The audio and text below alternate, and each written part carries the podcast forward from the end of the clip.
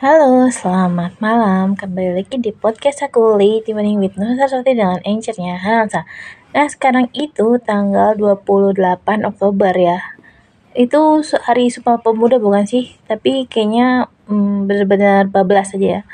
Dan aku tuh mau bahas tentang masih sekitaran uh, agama dan buat kamu yang bukan agama Kristen mungkin kurang ngerti ya, tapi mungkin ngerti juga gitu karena kita mau deketin mau mendekati Natal jadi memang bahasanya sekitar situ-situ aja gitu.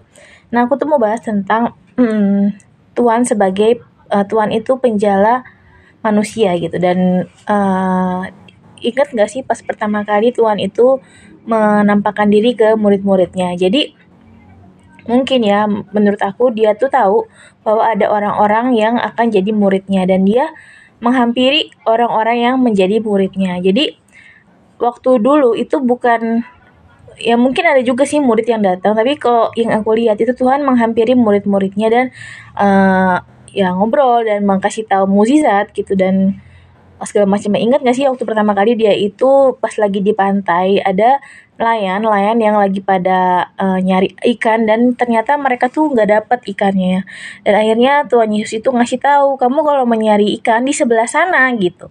Dan ternyata pas mereka nyari ikan di sana ternyata ikannya tuh banyak banget sampai nggak muat kapalnya gitu ya.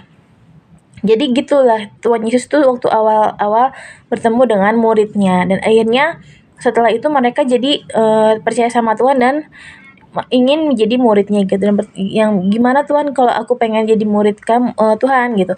Jadi kalau mau jadi murid aku bukan jadi penjala ikan tapi menjadi penjala manusia gitu. Dan uh, dari situ kan itu salah satu mukjizat ya. Mukjizat Tuhan Yesus yang ngasih tahu di mana letak banyaknya ikan di laut gitu pada nelayan dan juga banyak sih waktu pas lagi uh, apa kapalnya itu goyang kapalnya apa? Ya pokoknya ada ada turbulence gitu ya di pantai di laut gitu. Terus itu dia berjalan di atas air gitu ya. Karena ya memang uh, semua yang dilakukannya itu adalah mukjizat ya. Mukjizat lain juga waktu Tuhan Yesus bersama murid-muridnya yang dengerin dia lagi khotbah mereka tuh lapar gitu. Jadi uh, ternyata ada yang bawa ikan bawa roti dan itu tuh dipecah-pecahin sampai ternyata cukup semua orang gitu ya. Semua orang bahkan ada sisanya gitu. Jadi uh, kenapa aku mau ingetin lagi? Karena ya sebenarnya ke mana pun Tuhan Yesus pergi uh, di tengah murid-muridnya dia selalu membuat mukjizat gitu. Dan di tengah-tengah mukjizat itu dia tuh tahu bahwa akhir hidupnya dia harus menderita, menderita dan mati di kayu salib gitu.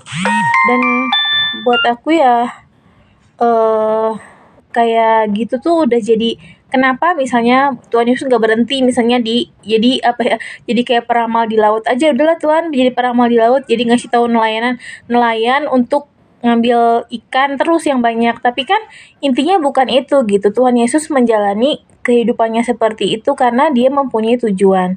Tujuannya itu yang menggenapi apa yang dinubuatkan oleh uh, nabi-nabi sebelumnya gitu.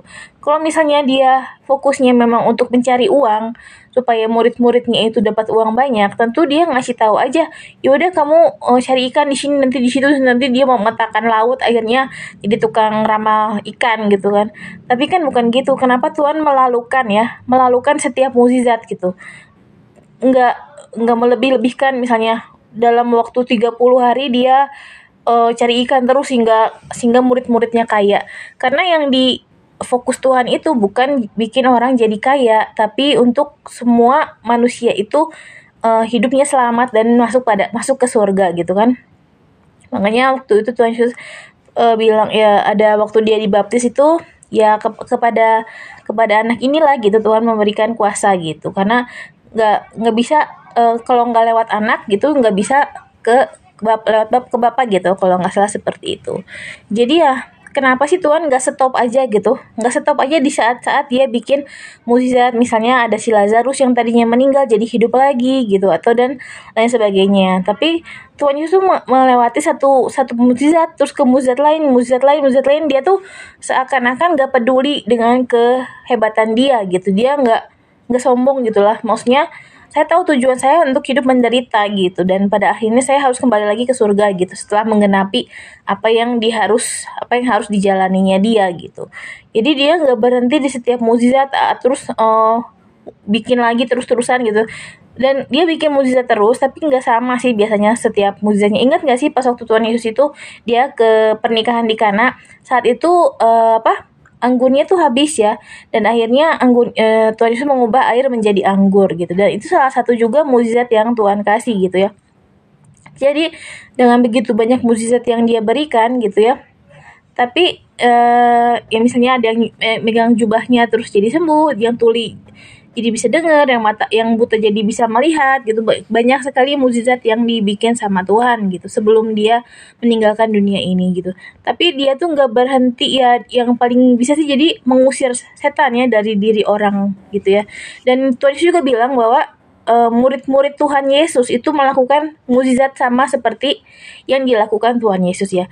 Jadi kalau kamu adalah seorang Kristen tapi kamu tidak memberi hidup kamu menjadi berkat buat orang atau memberikan mukjizat buat orang lain, coba pertanyakan ke kekristenan kamu dan uh, iman kamu gitu karena yang Tuhan bilang itu bahwa murid-murid Tuhan Yesus itu seperti mengusir setan. Dia juga melakukan mujizat-mujizat menyembuhkan orang sakit gitu ya. Itu adalah tanda-tanda ciri-ciri dari murid Tuhan Yesus gitu. Jadi kalau kayak ada orang-orang yang melakukan eh, hal-hal uh, yang baik ya dia mencitrakan diri bahwa dia itu adalah murid Tuhan Yesus menurut aku ya. Dan dari di Alkitab juga memang disebut seperti itu bahwa murid-murid Tuhan Yesus melakukan mujizat-mujizat juga gitu. Jadi seperti berbahasa roh, dia termasuk ya. Dan melakukan hal-hal yang uh, apa ya magic lainnya gitu. Tapi itu di dalam Tuhan. Karena um, pernah juga dia bilang bahwa mujizat-mujizat juga mujizat-mujizat yang ada bukan hanya dari Tuhan aja, ada juga yang bilang bahwa Tuhan itu adalah Tuhan Yesus itu adalah uh, murid ada adalah Beelzebul ya atau jadi iblis iblis. Padahal bukan seperti itu mukjizat-mukjizat yang dibuat Tuhan Yesus itu adalah demi untuk kebaikan manusia dan mereka percaya bahwa Tuhan Yesus itu ada dan uh, apa yang dikatakannya itu adalah benar. Sehingga kalau orang-orang yang ngikutin apa yang dikatakan uh, Tuhan Yesus pasti mendapatkan hal yang baik gitu. Dan memang jadi orang Kristen itu gak gampang gak mudah banyak yang harus dijalanin kan. Tapi ya uh, apa hadiah dari semua itu adalah kita suatu saat kalau kita pada waktunya nanti kita semua akan beroleh kehidupan kekal di surga dan bertemu dengan Tuhan Yesus. Ya gitu aja sih sebenarnya. Aku mau share itu sebenarnya share ini lebih ke untuk diri aku sendiri supaya aku nggak lupa. Kalau ada yang suka ya nggak apa-apa bisa di share ke orang lain atau didengerin uh, gimana menurut kalian gitu. Dan kalau buat aku sih ya. Hmm, kalau kita ditakdirkan menjadi seorang Kristen ya jadilah seorang Kristen yang baik kadang ada orang yang kelihatannya dia Kristen tapi kita nggak tahu dia itu Kristen atau enggak karena nggak apa ya nggak melakukan uh, apa yang seharusnya dilakukan gitu dan malah melakukan hal yang lain gitu. Buat aku sih aku menjaga diri supaya aku nggak tercemar sama orang-orang seperti itu dan aku menjaga diriku supaya aku bisa hidup uh, dengan baik gitu. Aku juga nggak mau misalnya karena kenal orang ini jadi aku marah-marah setiap hari atau kadang gitu loh kayak aku gitu ya. Aku tuh kalau ngeliat orang yang jahat itu tuh biasanya aku kesel gitu.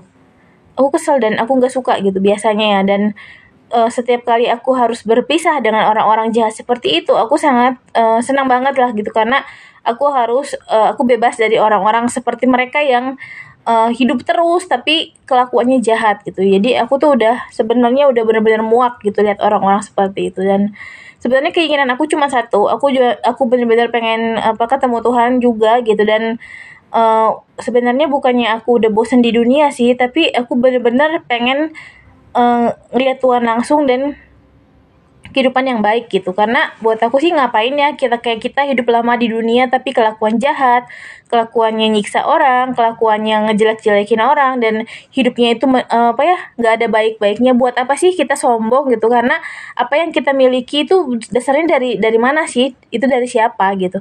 Ngapain kita sombong dengan apa yang kita punya? Karena kalaupun nanti kita mati semuanya itu nggak akan kita bawa. Maksudnya kalaupun rumah sampai harus dibawa ya pasti rumah rumah-rumah yang isinya orang-orang baik bukan orang-orang jahat